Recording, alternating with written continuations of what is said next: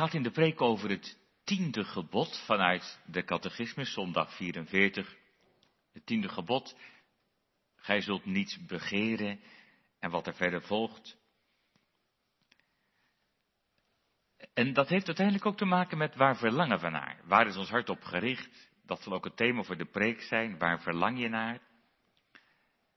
Maar je kunt ook een ander thema erbij noemen, verlangen naar volmaaktheid. Misschien dat dat niet het eerste is waar we aan denken bij het tiende gebod, maar dat is wel waar het ten diepste om gaat. Het verlangen naar volmaaktheid.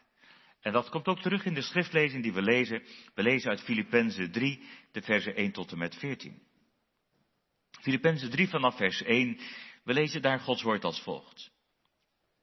Verder, mijn broeders, verblijft u in de Here. Dezelfde dingen aan u te schrijven is mij niet onaangenaam en het geeft u zekerheid. Let op de honden, let op de slechte arbeiders, let op de versnijdenis, want wij zijn de besnijdenis, wij die God in de geest dienen en in Christus Jezus roemen en niet op het vlees vertrouwen. Hoewel ik reden heb om ook op het vlees te vertrouwen, als iemand anders denkt te kunnen vertrouwen op het vlees, ik nog meer. Besneden op de achtste dag uit het geslacht van Israël van de stam Benjamin, een Hebreeër uit de Hebreeën, wat de wet betreft een fariseer. Wat ijver betreft een vervolger van de gemeente. Wat de rechtvaardigheid betreft die in de wet is, onberispelijk. Maar wat voor mij winst was, dat heb ik om Christus wil als schade beschouwd. Ja, beslist, ik beschouw ook alles als schade vanwege de voortreffelijkheid van de kennis van Christus Jezus mijn Heere. Om wie ik dat alles als schade ervaren heb, en ik beschouw het als vuiligheid, opdat ik Christus mag winnen en in Hem gevonden word. Niet met mijn rechtvaardigheid die uit de wet is, maar die door het geloof in Christus is. Namelijk de rechtvaardigheid uit God door middel van het geloof, opdat ik Hem mag kennen en de kracht van zijn opstanding en de gemeenschap met zijn lijden, doordat ik aan zijn dood gelijkvormig word, om hoe dan ook te komen tot de opstanding van de doden. Niet dat ik het al verkregen heb of al volmaakt ben, maar ik jaag ernaar om het ook te grijpen. Daartoe ben ik ook door Christus Jezus gegrepen. Broeders, ik zelf denk niet dat ik het gegrepen heb, maar één ding doe ik, vergetend wat achter is, me uittrekkend naar wat voor is, jaag ik naar het doel. De prijs van de roeping van God, die van boven is, in Christus Jezus. Tot zover. Daar zijn ook die woorden, niet dat, ik het al verkregen heb of al volmaakt ben, maar ik jaag ernaar in dat twaalfde vers, dat zal ook in de preek wel wat meer aan het eind van de preek terugkomen als een vertolking van het verlangen naar volmaaktheid. We lezen ook uit de catechismus, zondag 44. De vraag en antwoord onder 13. Wat eist van ons het tiende gebod? Dat ook de minste lust of gedachte tegen enig gebod van God in ons hart nimmer meer komt, maar dat wij te allen tijden van ganser harte aller zonden vijand zijn. En lust tot alle gerechtigheid hebben. Dus een vijand van alle zonden. En lust, verlangen of ook begeerte tot alle gerechtigheid. En het woordje gerechtigheid, dat betekent eigenlijk alles wat in de wet staat. Wat God, wat God wil, wat God goed vindt. Maar kunnen degenen die tot God bekeerd zijn deze geboden volkomen houden? Nee, zij. Maar ook de allerheiligsten, zolang ze in dit leven zijn, hebben maar een klein beginsel van deze gehoorzaamheid. Maar dan zo dat ze met een ernstig voornemen niet alleen naar sommigen, maar naar al de geboden van God beginnen te leven. En dat is weer hetzelfde als wat in die vraag en antwoord daarvoor wordt genoemd, die, die lust tot alle gerechtigheid. Dus het verlangen naar al die geboden te leven. Waarom laat ons God dan zo scherp die tien geboden preken? Zo ze toch niemand in dit leven kan houden. Ten eerste omdat we ons leven lang onze zondige aard hoe langer hoe meer leren kennen. En des te begeeriger zijn om de vergeving der zonden en de gerechtigheid in Christus te zoeken. Daarna, opdat we zonder ophouden ons benaarstig ons inspannen en God bidden om de genade van de Heilige Geest, opdat we hoe langer hoe meer naar het evenbeeld van God vernieuwd worden. Totdat we tot deze voorgestelde volkomenheid na dit leven geraken.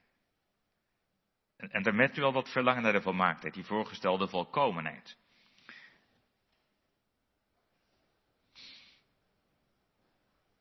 Dus daar gaat het over in de preek. Allereerst, waar verlang je naar die vraag, maar ook het verlangen naar de volmaaktheid. Verlangen naar volmaaktheid.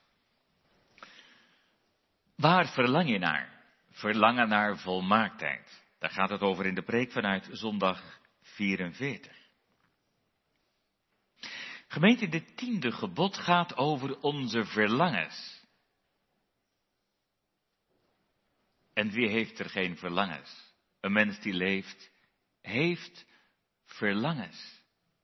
En dat is me goed ook, toch? En jongelui, als je nou een wens mocht uitspreken, wat zou je dan zeggen?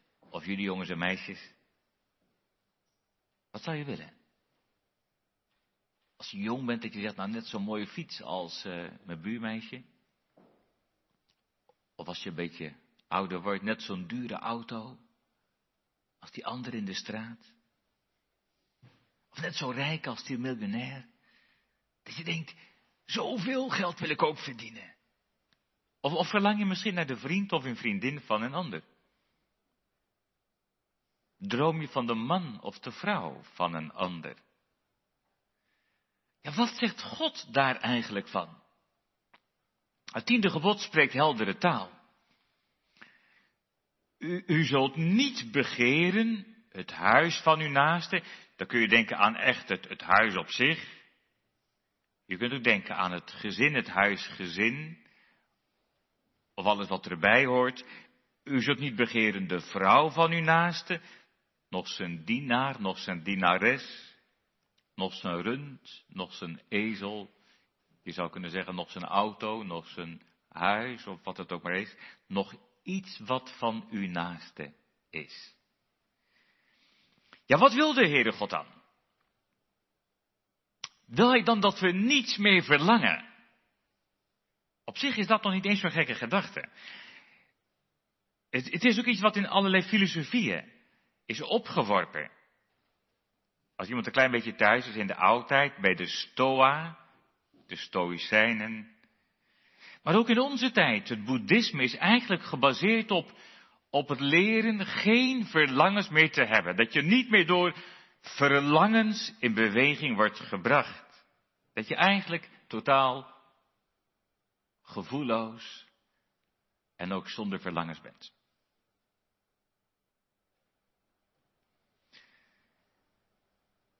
Maar is dat de bedoeling van God en van het tiende gebod?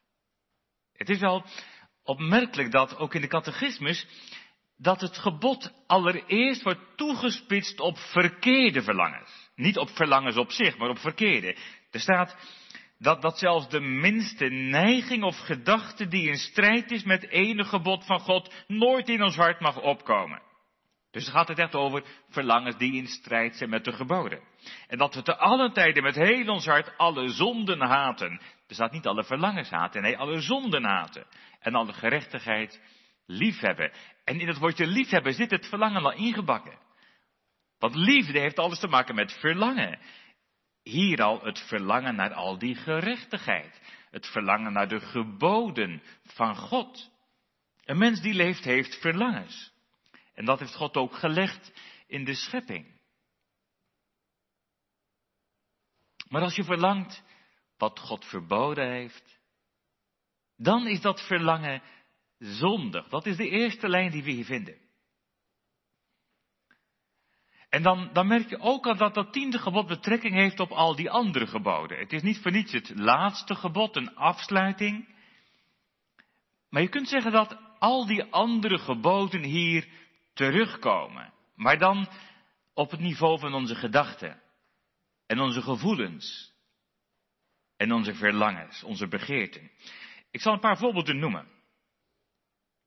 Het negende gebod, dat zegt bijvoorbeeld geen vals getuigenis geven. Dus dan mag je niet met je mond een vals getuigenis of een leugen uitspreken. Maar het tiende gebod zegt, dat ook het verlangen naar een leugen, of het verlangen om te roddelen, of een ander kwaad te doen met onze woorden, dat ook dat verlangen of het erover nadenken al zondig is. Het achtste gebod zegt, ge zult niet stelen. Dan kun je zeggen, ik heb nooit iets gestolen. Maar ja, hoe lang kun je dat volhouden? Maar het tiende gebod zegt dat ook de begeerte naar iets van een ander zonde is. Het zevende gebod zegt niet echt breken. Dus geen overspel plegen. En dan kun je zeggen, dat heb ik nooit gedaan. Maar het tiende gebod zegt, ook het dromen van de man of de vrouw van een ander is al overspel. Wat Jezus in de bergreden ook heeft gezegd. Wie een vrouw, en dat is natuurlijk ook omgekeerd voor een vrouw met een man aanziet om te begeren, heeft al overspel in zijn hart gedaan. Niet alsof de daad hetzelfde is als de gevoelens, maar het is al de wortel van dezelfde zonde. Het zesde gebod zegt, je zult niet doodslaan. En het tiende gebod zegt, ook een kwade begeerte voor een ander. Dus dat je een ander kwaad toewenst, is zonde, een zondig verlangen. Wat wil God dan wel? We hebben iets gezien van wat God niet wil, zondige verlangens. Wat wil God dan wel? Dat kun je heel kort zeggen. Wat wil God? Dat je verlangt naar het goede. Maar wat is goed? Wat is goed? Nou, er zijn bijbels gezien heel veel goede dingen om naar te verlangen. Je mag verlangen naar een goed studieresultaat. Je mag verlangen dat je goed door de examentijd heen komt. Je mag verlangen naar een baan waarin je voldoening vindt. Je mag verlangen naar je ware liefde. Al, de Bijbel wel, zoek dan ook een man of een vrouw met wie je God kunt dienen. Je mag verlangen naar vakantie. Daar mag je van genieten. Je mag, je mag verlangen naar zoveel goede gaven van God in de schepping. Maar God wil niet dat je daarin blijft steken. Dan zou je voorbij gaan aan het allerbelangrijkste. Dan zou je met alles wat je hebt toch je doel missen. Dan ben je verloren. En dan blijf je verloren. En dat wil God niet. En daarom zegt hij telkens weer zoek eerst het koninkrijk van God en zijn gerechtigheid. Als je dat niet doet, dan ben je kortzichtig, dan ben je dwaas. Dan ben je een slechte investeerder. Tegenwoordig zijn er heel wat mensen druk met investeren, omdat die bankspaarrekeningen niet zoveel meer opleveren.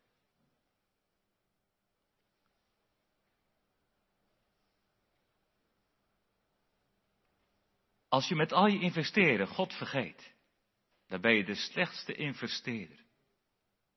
Als je niet investeert in de schatten van het koninkrijk van God, dan kan ik je bijvoorbeeld vertellen dat je alles kwijtraakt. Daar heb je helemaal geen crash of weet ik wat voor nodig. Je raakt alles kwijt als je niet investeert in die schatten van het koninkrijk van God.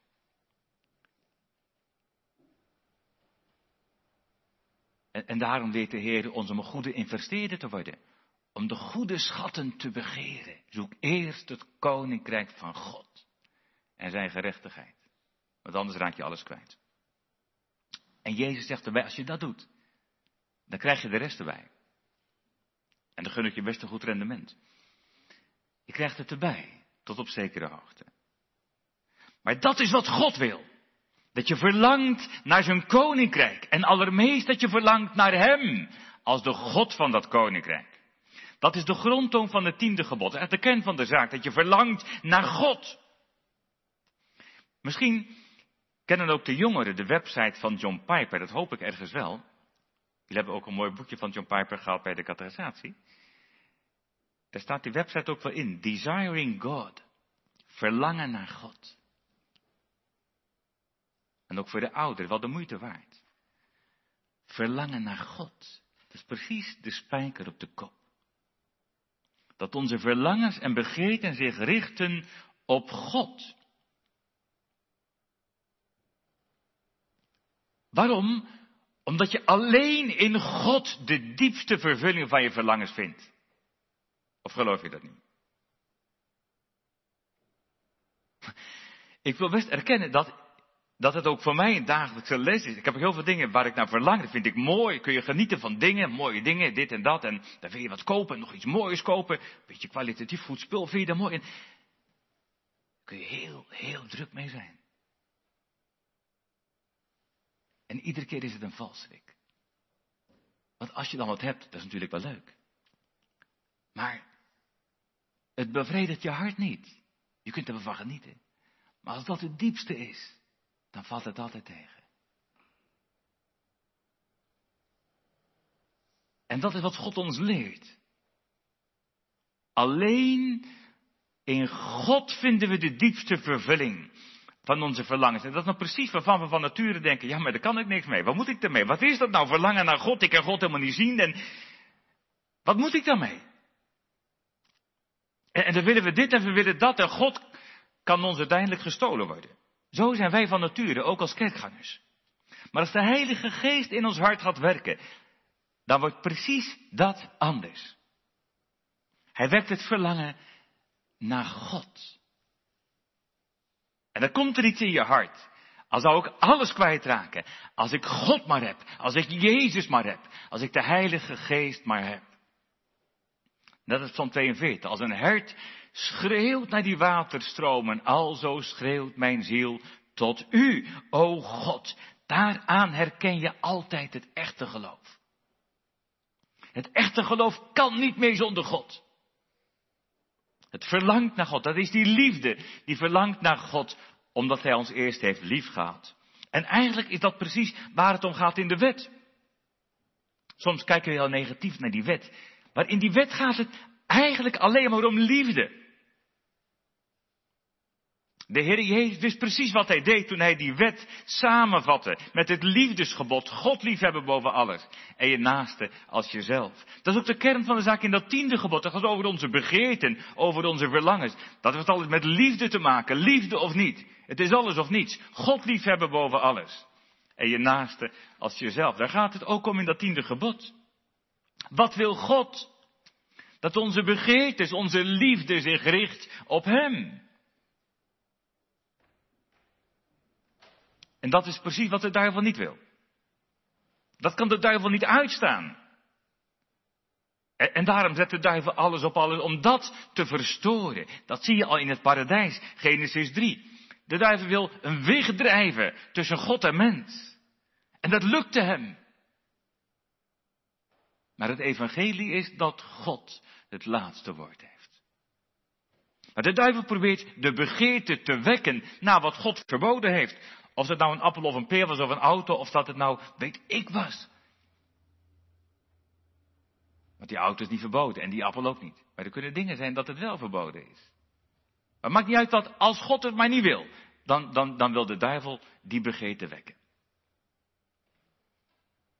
En, en als het niet lukt om een zondige begeerte te wekken, dan probeert hij wel heel veel verlangens te wekken aan de dingen waarvan je zegt, dat is toch niet verkeerd? Is het nou verkeerd om urenlang op marktplaats te, te zoeken? Denk daar maar eens over na. Is het nou verkeerd om te gamen? Nou, denk daar maar eens over na.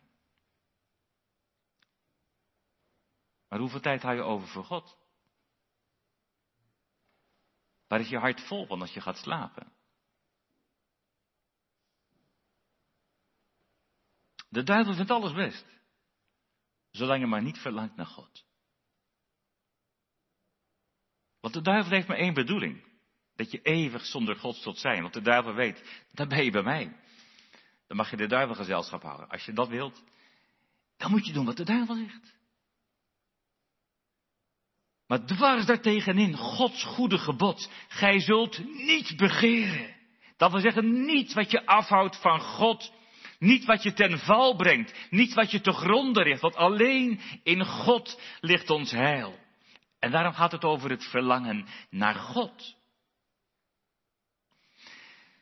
En als het daarover gaat, vinden we een heel belangrijk Bijbels principe. Juist in deze zondag. Want, want wie verlangt naar God, die verlangt ook naar Gods geboden. Dat kun je nooit van elkaar losmaken. Dat zagen we al in die catechismus, het verlangen naar de gerechtigheid. Die gerechtigheid, dat is wat God wil. Wie verlangt naar God, verlangt naar zijn geboden. Wie God lief heeft, heeft zijn geboden lief. En ook omgekeerd, wie Gods geboden niet lief heeft, die heeft ook God niet lief. Tenminste niet de God van de Bijbel. Dat is een God van je eigen gedachten, je eigen fantasie. Je kunt God niet losmaken van zijn geboden. En als we dat zien, dan, dan zie je dat het heel ver gaat. Ook in antwoord 113.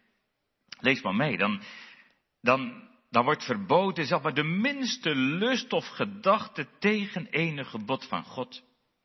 En dan gaat het over, over te allen tijden, altijd. Met heel je hart van ganse de aller zonden vijand zijn. En lust tot alle gerechtigheid. En dan kun je zeggen, ja, kan ik dat wel? Die vraag komt terug in vraag en antwoord 114, maar ik wil eerst iets anders vragen. Ik wil je vragen, wil je dat ook? Wilt u dat ook? Wilt u dat wat hier staat? Wil je een vijand zijn van alle zonden? En een vriend van Christus en van alles wat hij zegt. Wil je dat of niet?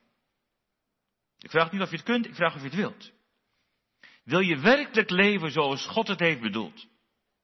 Niet een beetje half-half, maar met heel je hart, zoals het hier staat. Verlang je ernaar, en dan zeg ik het nog wat radicaler, verlang je ernaar zo heilig te leven als de engelen van God. Maar die zondigen niet. En dat bedoel ik niet als geen heilig, heilig boontje, nee, maar echt de engelen van God. Verlang je ernaar zo heilig te zijn als de engelen van God. Kortom, verlang je werkelijk naar volmaaktheid.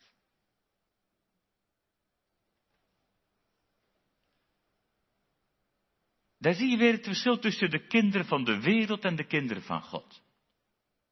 Het verschil is niet dat de kinderen van de wereld zondig zijn en de kinderen van God dat ze zonder zonde zouden zijn. Je zou wel eens zeggen, was maar waar. Maar het verschil ligt wel in het verlangen. De kinderen van de wereld verlangen niet naar God. En ze verlangen ook niet om volmaakt te leven zoals God het wil. Maar dat wordt anders als de Heilige Geest in ons hart gaat werken. Hij wekt het verlangen naar God. Hij wekt het verlangen naar de geboden van God. Niet op een wettische manier, maar wel in die liefde die radicaal is. Het verlangen om God te dienen zoals Hij het waard is. Zonder gebrek, zonder tekort. Helemaal volmaakt. Zonder dat je de Heer Jezus ooit nog verdriet zult doen. Dat je Hem met heel je hart zult dienen. En dat is het verlangen wat je met bij de apostel Paulus. Daarom lazen we uit Filippenzen 3. Daar zegt hij ook. En niet dat ik het al verkregen heb, of al volmaakt ben, maar ik jaag ernaar. Dat ik het ook grijpen mocht. Daartoe ben ik ook door Christus Jezus gegrepen. En, en die woorden van niet dat ik het al verkregen heb. Dat wil niet zeggen dat hij nog onzeker is over zijn redding. Dat hij zich afvraagt, ben ik nou wel of niet een kind van God? Nee, wat hij niet verkregen heeft, dat is echt de volmaaktheid. Hij zegt niet dat ik het al verkregen heb of al volmaakt ben. Hij zegt, die volmaaktheid heb ik nog niet gegrepen. Maar ik jaag ernaar. Ik verlang ernaar, intens. En zegt hij, daartoe ben ik ook gegrepen door Christus.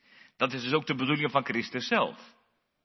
Hij verlangt ernaar volmaakt te zijn in de liefde tot Christus en tot zijn Vader en tot de Heilige Geest. Hij verlangt ernaar, maar het lukt hem niet.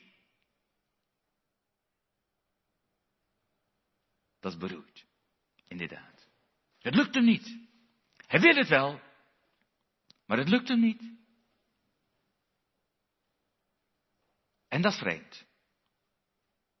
Want vroeger dacht hij, het lukt me wel. Vroeger dacht hij, dat lukt me eigenlijk best wel goed. Dat vertelt hij ook in Filippenzen 3. Hij zegt dat hij bekend stond als onberispelijk. Ze zeiden, wat een fantastische vent is dat. Dat is nog eens een vrome jongen. Ja, niet schijnheilig, nee, die meent wat hij zegt. En die gaat ervoor, met heel zijn hart. En achteraf zegt Paulus, toen kende ik Christus nog niet. Ik, ik dacht dat ik al zo'n beetje volmaakt was. Maar achteraf zegt hij, ik zat er helemaal naast. Ik besefte niets van mijn schuld. Ik had geen verzoening nodig voor mijn zonde. Ik, ik had helemaal geen genade nodig. Ja, een beetje hulp van God om nog een beetje beter te worden. Maar ik had geen verzoening, geen genade nodig. Ik had het bloed van Christus niet nodig. Ik had het kruis niet nodig. Ik, ik besefte niet dat die geboden mij veroordelen. Dat het kruis nodig was, ook voor mij. Ik, ik had nog geen zaligmaker van zondaren nodig. Alleen maar een God die een vrome jongen een beetje aai over de bol geeft. Maar mij niet. Dat kan nog steeds, ook in de kerk.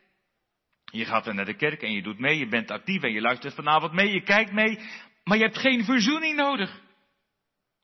Dat kun je altijd hier aan merken, dat het kruis van Christus weinig waarde voor je heeft. Dat is de dood in de pot. En dat is radicaal veranderd bij Paulus. Dat zegt hij ook in Filippenzen 3, vers 7 en 8, zegt hij, wat voor mij winst was, dat ik dacht, ik ben bijna volmaakt. Dat heb ik om Christus wil als schade beschouwd. Ja, beslist, ik beschouw ook alles als schade. Vanwege de voortreffelijkheid van de kennis van Christus. Jezus, mijn Heere. Om wiens wil ik dat als schade gerekend heb. En ik beschouw het als vuiligheid. Opdat ik Christus mag winnen. Dan proef je die hartstocht voor Christus voor de verzoening die Hij gebracht heeft. Om te leven van genade. En, en des te meer verlangt hij om ook echt te leven met Christus. Want daar is die verzoening op gericht. Op een echt leven met Hem. Niet zo van, ja, leuk dat hij me zonde vergeeft. Ik vraag me een keer vergeving en fijn dat hij het allemaal in orde maakt en ondertussen ga ik mijn eigen gang. Nee. Die verzoening is gericht op een, een relatie, een herstel van de relatie, een leven met Christus, om Hem te kennen, zegt hij. En de kracht van zijn opstanding. En de gemeenschap van zijn lijden en sterven. Om Hem lief te hebben zoals Hij waard is. En juist in dat kader, in dat kader van dat verlangen naar Christus, spreekt hij over dat verlangen naar de volmaaktheid. Om helemaal volkomen te zijn, toegewijd aan Hem, zonder enig gebrek. En, en dan gebeurt er iets vreemds. Hoe meer die verlangt naar die volmaaktheid, hoe meer hij de pijn voelt dat het hem niet lukt. Niet dat ik het verkregen heb, ik zou het willen nu al. Of al volmaakt maar, maar ik jaag ernaar. En dat, zijn diezelfde tonen als in Romeinen 7. Ik, ellendig mens, dan wil hij zo graag volmaakt zijn, maar het lukt hem niet. En, en tegelijk ziende op Christus, ik dank God door Jezus Christus, mijn Heere, onze Heere. Dat klinkt vreemd. Dat moet je ook leren verstaan. Want het is wel realiteit in het geloofsleven. Hoe meer je verlangt om God volmaakt te dienen, hoe meer je merkt dat je dat niet lukt. Ik las van dominee van der Sluis, onze oud-predikant, een mooi voorbeeld pas ergens in een uh, interview. Of in een vragenbeantwoording. Toen ging hij in op een vraag van een jongere. En er was een jongere die, die Jezus had liefgekregen. En die verlangde heilig te leven. Maar, maar schreef hij, dat, dat viel zo tegen in de praktijk. En, en toen schreef hij als antwoord, hij zegt, als je wederom geboren wordt door woord en geest, dan gebeurt er iets vreemds. Dan ga je ervaren hoe onbekeerd je bent. En, en schrijft hij dan, dat klinkt raar, inderdaad, maar het is wel waar. Je wereldje wordt op de kop gezet. Je snapt het gewoon niet meer. Zo leer je dat genade werkelijk genade is. Ik denk aan iemand anders die graag zo dicht bij Jezus wilde leven. En, en die soms tijd had dat ze helemaal vol was van Jezus, dat ze kon opspringen van vreugde in Hem. Maar wat was er van over? Ze zei, ik wil wel bidden, maar het lukt me niet. Het lukt me niet de aandacht erbij te houden als ik bid. Ik, ik wil wel Bijbel lezen, maar, Het lijkt of het gewoon langs me heen gaat. Ben ik wel een kind van God? Dan zou het toch anders moeten zijn. Nou, dat is precies waar het hier over gaat. Waar de Heilige Geest werkt, wekt Hij dat verlangen naar God. Naar Christus. Om Hem volmaakt te dienen. Maar hoe meer je dat probeert, hoe meer je ontdekt hoeveel je tekort schiet. Nu zijn er christenen die daar anders over denken. Er zijn christenen die zeggen, als je wedergeboren bent, dan kun je helemaal of dan toch bijna zonder zonde leven. Ze zeggen dat een christen op aarde al min of meer zonder zonde kan leven. Bijna of helemaal volmaakt. Maar dat hoor ik de apostel Paulus niet zeggen. Zulke mensen zijn blijkbaar veel beter dan Paulus was. En, en dan de beste van de apostelen waren. Want Paulus erkent zelf dat hij nog verre van volmaakt is. En in dat verband komt ook vraag aan antwoord 114 terug. Een heldere taal. Kunnen degenen die tot God bekeerd zijn, die geboden volkomen houden? Nee, zij staat er dan. Er staat er ook de allerheiligsten hebben, zolang ze in dit leven zijn, alleen een klein beginsel van deze gehoorzaamheid. En dat is niet zomaar de specialiteit van de opstellers van de catechismus of een eigenaardigheid van de gereformeerde theologie of hoe mensen dat soms ook willen wegzetten. Dat is gewoon wat in de Bijbel staat. Ik noem twee dingen. Twee teksten die ook Augustinus heel vaak gebruikte als hij over deze dingen sprak. De eerste is 1 Johannes 1, vers 8 en 9. Een tijdje geleden heb ik daar ook over gepreekt. Over die eerste Johannesbrief. Er staat, als wij zeggen dat we geen zonde hebben, dan misleiden we onszelf. Dan is de waarheid niet in ons. Maar als we onze zonden beleiden, hij is getrouw en rechtvaardig om ons de zonden te vergeven en ons te reinigen van alle ongerechtigheid. Het tweede voorbeeld is dit. Een heel bekend voorbeeld. Het Onze Vader. Dat kent u allemaal. Het Onze Vader die in de hemelen zijt. Dat leerde Jezus aan zijn discipelen. Maar er staat niet alleen maar in dank u dat u me zonde vergeven hebt. Nee, er staat ook vergeef ons onze schulden. Zoals ook wij vergeven wie onschuldig zijn. Blijkbaar is dat wat Jezus ons leert. Elke dag. Ook in het leven met Hem. Elke dag heb je vergeving nodig. Is het leven van de verzoening. Ja, maar zie maar, er staat er toch maar even heel vervelend door. Een klein beginsel, dat is toch zo, zo, zo, zo weinig. Dat, dat, dat is toch niks eigenlijk. Net, net alsof, alsof de geest niet meedoet. Dat kan inderdaad misverstand oproepen. Daar is, daar is niet bedoeld dat de gehoorzaamheid van de gelovigen allemaal niets voor zou stellen. Alsof het allemaal niks is en alsof het allemaal niks zal worden. Ik vond het mooi wat ik las bij dominee Den Boer. Die zei dat kleine beginsel is wel een grote zaak. Dus om te onthouden. Een klein beginsel, een grote zaak. Want dat, dat beginsel betekent wel het verlangen naar de volmaaktheid. Zo staat het ook, met andere woorden, in antwoord 114. Het gaat erover een ernstig voornemen om niet alleen naar sommige, maar naar al de geboden van God te beginnen leven. Dat is weer diezelfde taal als Filippenzen 3. Ik jaag ernaar om die volmaaktheid ook te grijpen. Daartoe ben ik ook door Christus Jezus gegrepen. Ik heb mensen wel eens minachtend horen zeggen dat die catechismus gaat voor het minimum, geestelijk gezien. Maar wie dat zegt, heeft het niet begrepen. In werkelijkheid gaat de catechismus niet voor het minimum, maar voor het maximum in navolging van de Heilige Schrift. De catechismus neemt geen genoegen met een beetje goede wil. Of, of met een beetje verandering, of, of met een vrome buitenkant. De catechismus is niet tevreden met een fatsoenlijk burgerschap, of allemaal vrome nette christenen. De catechismus gaat voor de echte gerichtheid op God. De catechismus gaat voor de echte heiligheid. En dan heel radicaal zoals de engelen van God. De catechismus gaat voor de echte zondeloosheid, zoals in het paradijs, voor de zondeval. De catechismus is niet tevreden voordat het weer zal worden zoals het was. Zonder zonde.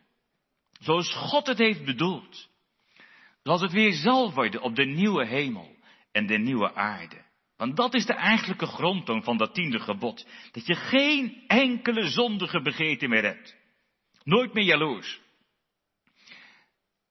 Maar jongens en meisjes, er staat in dat boekje voor de kinderen, een kerkboekje, er staat een plaatje van iemand die over de heg zit te kijken naar een ander. Dat huis, een prachtig huis en een mooie auto en alles erbij. En een diepe zucht erboven. Dat is weer die begeerte.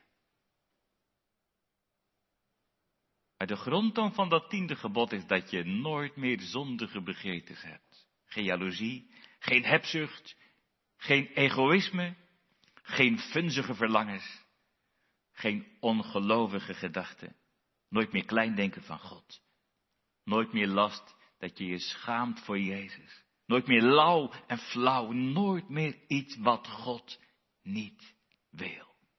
Met minder dan de volmaaktheid neemt de catechismus geen genoegen. Want met minder neemt God geen genoegen. En God wil dat wij met minder geen genoegen nemen. Want die verlangt naar God. Die leert verlangen naar de volmaaktheid. Want God is volmaakt. Ja, waarom zou je verlangen naar volmaaktheid? Als het een onbereikbaar ideaal is. Dat is, dat, dat het laatste. Hè? Dat is vraag en antwoord 115. Waarom laat God dan zo scherp die tien geboden preken? Als niemand ze in dit leven kan houden.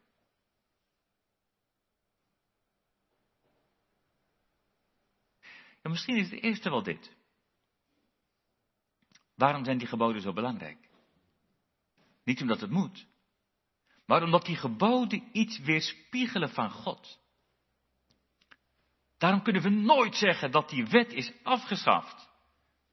Dat is net zo dwaas als dat je zegt dat God is afgeschaft. Want die wet weerspiegelt iets van het goede wezen van God. Het enige wat voor een christen is afgeschaft, is de vloek van de wet, de veroordeling. Maar die wet is eeuwig, want God is eeuwig.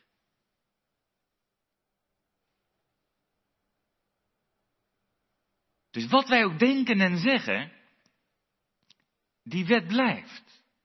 En als wij die wet niet willen, dan verdwijnen wij. Maar die wet die blijft. Maar een christen leert die wet liefhebben, omdat die iets weerspiegelt van het goede van God. Die wet richt je op het doel van God. En daarom die woorden, ik jaag ernaar, die volmaaktheid. Ik jaag ernaar om het ook te grijpen. Daartoe ben ik door Christus Jezus ook gegrepen. En waarom is het belangrijk? Om dat doel, dat volmaakte doel voor ogen te houden. Of met andere woorden, waarom is het nodig dat die geboden ook scherp of radicaal worden gepreekt? Want het is het volmaakte doel. Waarom? Nou, het eerste wat er staat, dat is dat we ons leven lang onze zondige aard hoe langer hoe meer leren kennen. En des te meer verlangen naar de vergeving van de zonde en de gerechtigheid in Christus zoeken. Hoe meer je je richt op Gods bedoeling, hoe meer je ontdekt hoeveel je tekortschiet. Dat zien we niet als je je vergelijkt met andere mensen. Dan vind je altijd mensen die het slechter doen dan jij. Maar de spiegel is Gods wet. En dat is een pijnlijke ontdekking. En dat is levenslang. Iedere keer opnieuw. Maar dat bewaart een christen voor hoogmoed. Dat is Gods medicijn tegen een triomfalistisch christendom. Dat is Gods medicijn tegen een zelfvoldaan christendom. Zo van, wij zijn het en we hebben het en niemand is beter dan wij. Alsof ik zo'n fantastische christen ben. Daar rekent God mee af.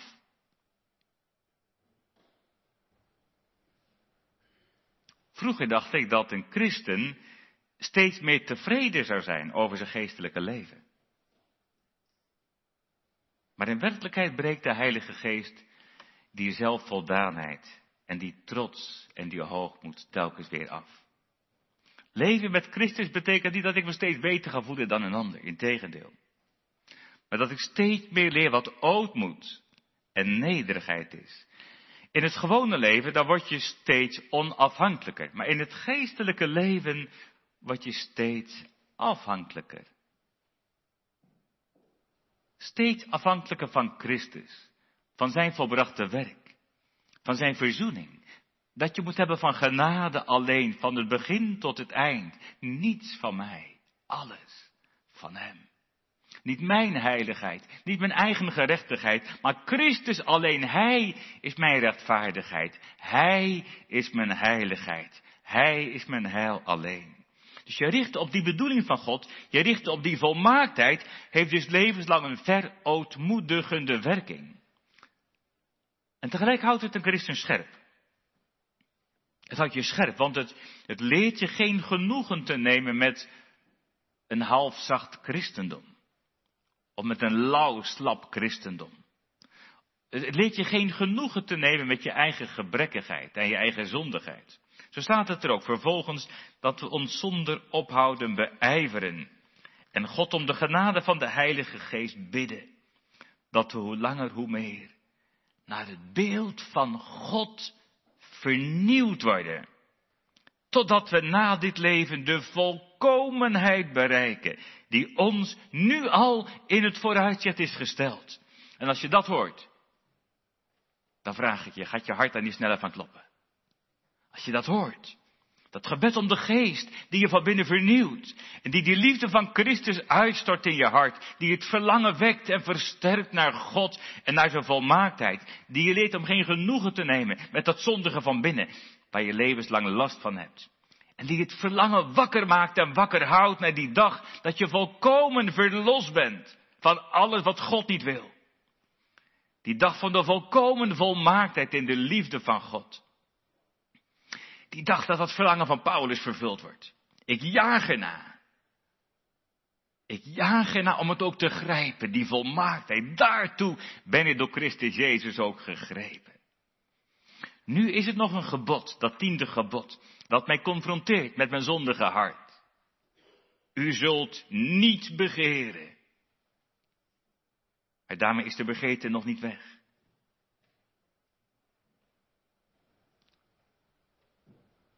Maar nu wekt hij al het verlangen naar die volmaaktheid, die we nu nog niet zien.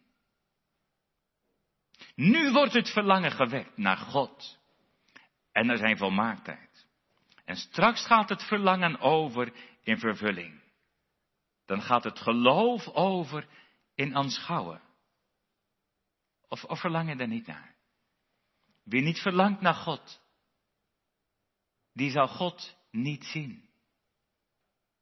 Die niet verlangt naar volmaaktheid, zal daar niet komen.